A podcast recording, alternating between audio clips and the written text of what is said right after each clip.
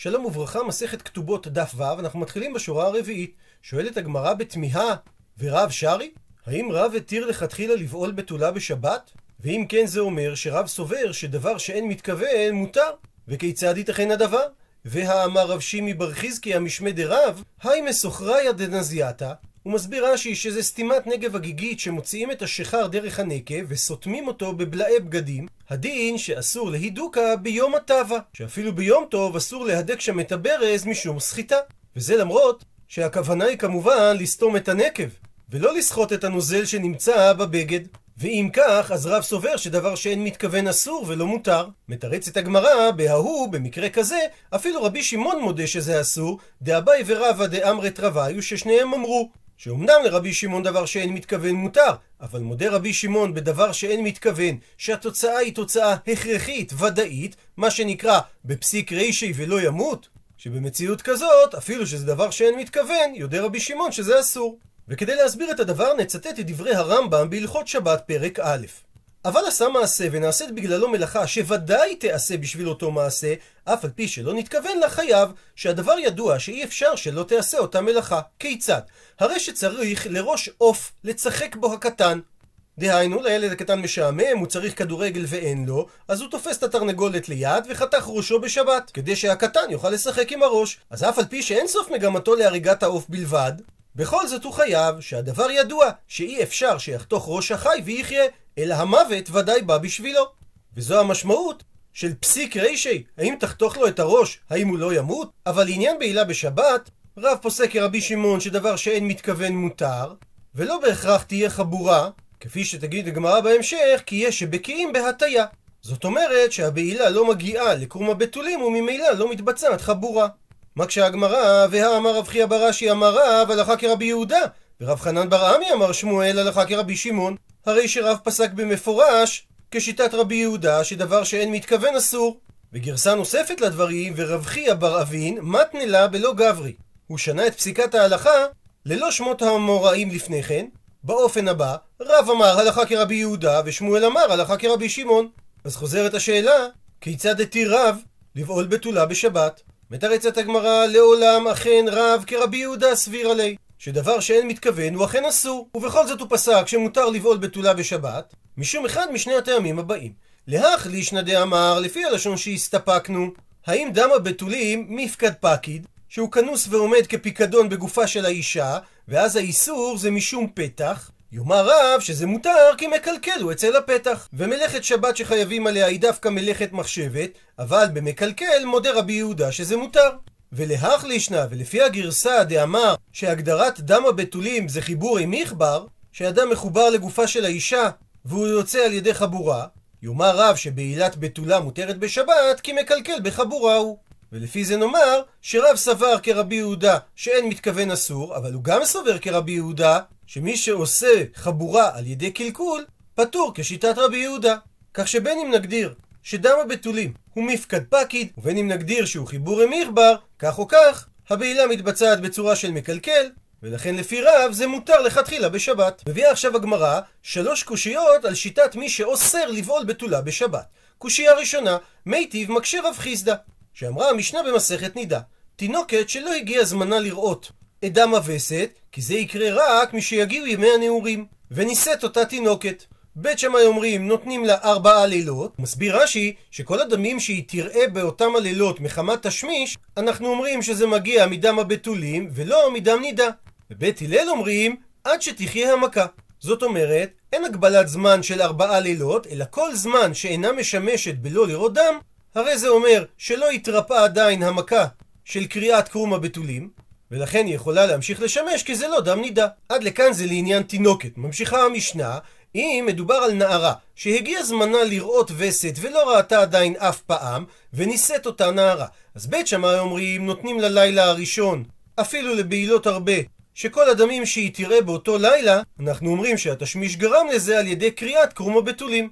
בבית הלל לעומת זאת אומרים שהיא יכולה לשמש עד מוצאי שבת, פרק זמן של ארבעה לילות, הרי הנישואים היו ברביעי. עד לכאן לשון המשנה, הפכנו דף ומדייק. רב חיסדא, מה אליו, האם המשנה לא התכוונה לומר, דאי לא בעל, מה ציבה היא אפילו בשבת, שאם הוא לא בעל אותה בעילה גמורה, דהיינו שהוא לא השאיר את כל קרום הבתולים, כך שכל דם שהוא מוציא בביותו זה עדיין דם בתולים. ואמרה המשנה שמותר לו לבעול בשבת אפילו שזה גורם לחבורה.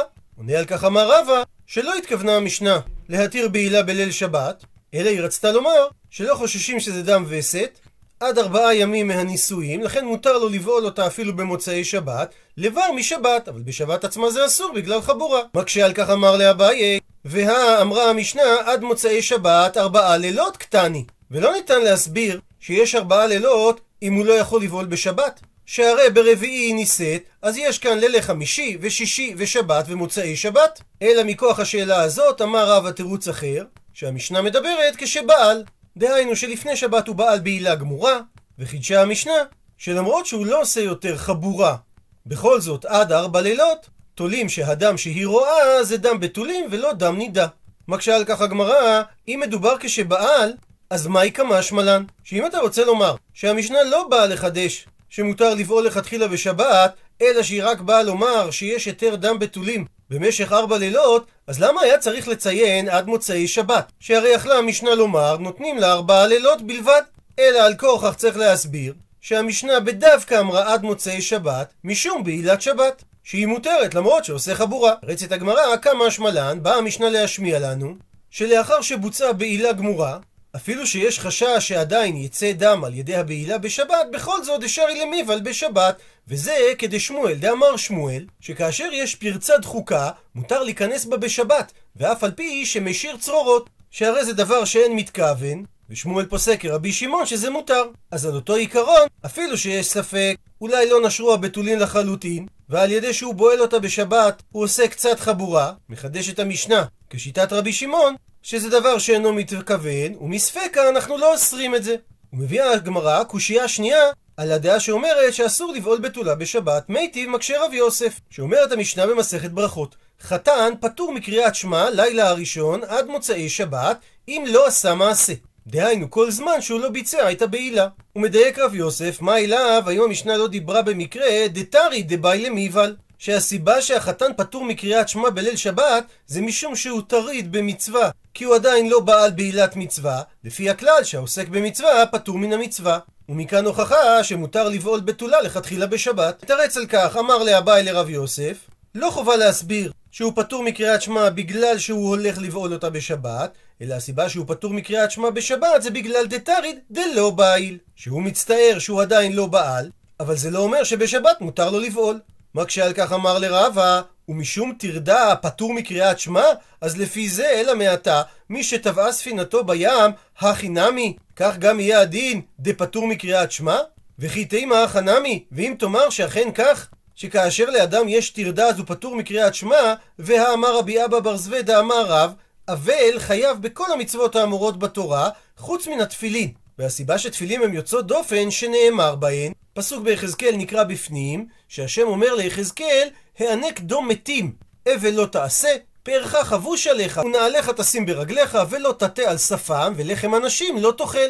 זאת אומרת שאתה לא תראה סימני אבלות, ונקט הנביא לשון של פארך חבוש עליך, שזה הפוך מהאבל, שהוא שקוע בעצבות, והוא כאילו מעולל בעפר קרנו וראשו, ואין זה פאר לתפילין, והרי אבל, שהוא ודאי טרוד באבלו, והוא כן חייב בכל המצוות, כולל קריאת שמע. ולכן קשה על דברי אביי, שהסביר שהסיבה שהחתן פטור מקריאת שמע בערב שבת זה בגלל שהוא טרוד. אלא אמר רבא, שבהכרח צריך לומר תנא היא, שיש בדבר מחלוקת תנאים. דתנא חדא, שיש תנא אחד בברייתא שאומר, שאם החתן לא עשה מעשה בראשון פטור מקריאת שמע, אף בשני. ואם הוא לא עשה מעשה בשני, אז הוא יהיה פטור מקריאת שמע אף בשלישי. ואם הלילה הראשון זה ליל חמישי, הלילה השני זה ליל שישי, אז הלילה השלישי זה שבת, והוא פטור מקריאת שמע, התנא הזה סובר שמותר לבעול לכתחילה בתולה בשבת. ותניא אידך, ויש ברייתא אחרת ששם התנא אומר, שבלילה הראשון והשני אכן החתן פטור מקריאת שמע, אבל בלילה השלישי, שזה ליל שבת, הוא חייב בקריאת שמע. ולפי התנא הזה, בשבת אסור לבעול בתולה. עד לכאן הסברו של רבא, ואביי, שהוא הסביר שהמשנה פטרה את החתן בליל שבת בגלל שהוא טרוד שהוא עדיין לא בעל, אבל בשבת עצמה אסור לבעול, הוא יסביר באופן דומה את מחלוקת התנאים שהביא רבא, שהתמנמי בטרדה פליגי. גם שם בברייתות, נקודת המחלוקת היא לגבי הטרדה. הוא מסביר רש"י, שהברייתא שפוטרת את החתן מקריאת שמע, זה לא בגלל שמותר לבעול בשבת, אלא משום שהתנא של הברייתא סובר שהחתן מצטער צער של מצווה, ולכן הוא פטור מקריאת שמע. ולא קשה מאבל, שגם הוא מאוד טרוד ובכל זאת הוא חייב בקריאת שמע, כי הטרדה של האבל זה טרדה דרשות, שהרי אין צערו מצווה, אף על פי שהאבלות עצמה היא מצווה. ומצד שני, התנא שמחייב את החתן בקריאת שמע בליל שבת, הוא סבר שטרדה בפני עצמה לא פותרת מקריאת שמע, אלא הפטור היחיד זה כאשר הוא טרוד במצווה עצמה. וחוזרת עכשיו הגמרא להסברו של רבא, שאמר שהברייתות נחלקו האם מותר או אסור לבעול בתולה בערב שבת, הני תנאי כהני תנאי. והתנאים שנחלקו לעניין פטור החתן בליל שבת מקריאת שמע, הם חולקים באותה מחלוקת של התנאים הבאים דתניא, שכך שנינו בברייתא בצורה מפורשת. הכונס את הבתולה לא יבעול בתחילה בשבת, וחכמים מתירים. ושואלת הגמרא, מן חכמים? מי הם החכמים שמוזכרים בברייתא? אמר רבא, רבי שמעוני. דאמר רבי שמעון, שדבר שאין מתכוון מותר. וכוונת החתן היא למעשה האישות, ועשיית החבורה שמוציאה דם, או עשיית הפתח, זה דבר שאין מתכוון. מקשה על כך אמר לאביי, והמודה רבי שמעון בפסיק רישי ולא ימות, שהרי זה תוצאה הכרחית, ולכן לא ניתן לומר שזה דבר שאין מתכוון. אמר לי רבא לאביי, לא כי הללו בבליים שאין בקיאים בהטייה, אלא יש בקיאים בהטייה. הוא מסביר תוספות פירוש, זה לא נחשב במקרה הזה פסיק רישא, כי כל העולם הם לא כמו הבבליים, שבבעילה הראשונה קרוב לוודאי שיוציאו דם, אלא רוב העולם בקיאים הם בהטייה, דהיינו שהם מתאים לצדדים והם לא מגיעים לקרום הבתולים, כך שהם לא מוציאים דם, ולכן לפי רבי שמעון אין פה תוצאה ודאית, וממילא מותר להם לבעול, ובלבד שלא יתקדמו לבעול בעילה גמורה, כי אז בוודאות יוציאו דם. מקשה על כך אביי, אז אם כן, שאתה מעמיד את ההיתר, כי מדובר שרוב העולם הם בקיאים בהטייה, אז תורד למה? במה בדיוק טרוד החתן שהמשנה פטרה אותו מקריאת שמע? שהרי אם הוא בועל בהטייה, הוא לא מצפה בכלל לראות את דם הבתולים. עונה לו רבא, שהפטור לחתן מקריאת שמע נאמר לשאינו בקיא. דהיינו לחתן כזה, שלא בקיא בהטייה, ולכן הוא כן טרוד לוודא שיש דם, כך שהיא בוודאות בתולה. אבל ממשיך אביי ומקשה, שאם זה ההסבר, אז יאמרו חכמים במשנה, בקיא מותר, שאינו בקיא אסור. שרק מי שבקיא בהטייה מותר לו לבעול בשבת, כי זה לא פסיק רישי, לעומת מי שאינו בקיא, שיהיה אסור לו לבעול בשבת, כי במקרה שלו זה כן פסיק רישי. תרצת הגמרא, שרוב החתנים בקיאים הן, בהטייה, ולכן יהיה מותר להם לבעול בשבת, כי לגביהם זה דבר שאינו מתכוון, ולא פסיק רישי. מקשה על כך אמר לרבא ברב חנן לאביי, אלא מעתה לפי ההסבר הזה, שושבינין למה, מפה למה. שמאחר שאתה מסביר שהרוב בקיאים לבעול בלא דם, מדוע שנינו בדף י"ב שהיו מעמידים לחתן ולכלה שני שושבינים, אחד לו ואחד לה, כדי למשמש את החתן ואת הכלה, כלומר, לבקר ולבדוק אחריהם שלא ינהגו רמאות בטענת הבתולים, שהחתן לא יעלים את הסדין עם הראיות, ומצד שני שהכלה לא תביא איתה מהבית סדין עם ראיות ישנות. אבל אם אתה מסביר שהרוב בקיאים בהטייה, אז מה השושבינים מועילים? שמה עוזר שהשושבנים דואגים שיהיה שם מפה, דהיינו סדין נקי, כדי לברר את הבתולים, אם אנחנו אומרים שהרוב בקיאים לבעול בלא דם? אמר לי, עונה אביי לרבא ברב חנן, הטעם שם הסיבה שהעמידו שושבינים משום שמא יראה ויאבד, שאומנם הרוב הם בקיאים. אבל אם הוא יבעל בהטייה, וממילא לא ירא דם, אז כשהוא יבוא לטעון שהיא לא בתולה, היא יכולה להגיד לו, הרי אתה בעלת בהטייה ואני עדיין בתולה. כך שעניין השושבים זה למקרה שהוא לא יטה והוא יוציא דם, והוא רוצה לשקר ולטעון שהיא לא בתולה, ולכן הוא יאבד את המפה, דהיינו את הסדין. ואז הוא יאמר, לא מצאתי דם, ולכן הצריכו את השושבינים. עד לכאן הקושייה השנייה של רב יוסף. עוברת הגמרא, מיטיב, מקשה רבי עמי את הקושייה השלישית. על מי שאמר שאסור לבעול בתולה בשבת. שהרי יש משנה במסכת עדויות שאומרת, המפיס מורסה בשבת, ומסביר רש"י, מי שפותח פה לפצע מוגלתי בשבת, אז הדבר תלוי בכוונתו. אם הוא מתכוון לעשות לפה, דהיינו שמתכוון לייפותה ולהיות לפתח שדרכו יוכל לנקז את המוגלה גם ליום המחר, אז הדין שהוא חייב משום בונה, שהרי יש מלאכת בניין גם בבעלי חיים, כמו שכתוב, ויבן את הצלע. ואם כוונתו רק להוציא ממנה ליכה, הפכנו דף, אז הדין שפטור. ואומרת הגמרא במסכת שבת שזה פטור ומותר לכתחילה, ולפי זה קשה למי שאוסר לבעול בתולה בשבת, שהוצאת לך מהפצע היא בדיוק כמו הוצאת דם הבתולים. פתח סוגריים, מה שאומר שרבי ימי הבין שהדם הוא כמו מוגלה, דהיינו שהדם הוא מפקד פקיד ולא חיבורי מיכבר, סגור סוגריים. מתרצת הגמרא, הטעם פקיד ואקיר, הכה פקיד ולא אקיר. שם לגבי ליכה, הליכה היא גם פקיד, דהיינו כנוסה ביחד, אבל היא גם עקירה כולה מן הבשר, ועומד לצאת מהפתח שהוא יצר. מה שאין כן הכה בדם הבתולים, שאדם אמנם הוא פקיד, הוא כנוס, אבל הוא לא עקור לגמרי, אלא הוא נבלע קצת בכתלים, למרות שהוא לא מחובר כשאר דם האיברים, שהרי בכל אופן הוא כן קצת כנוס. ומהסיבה הזאת, הוא דומה קצת לדם שמחובר, כי הוא אינו מוכן לצאת כמו הליכה. עד לכאן דף ו'.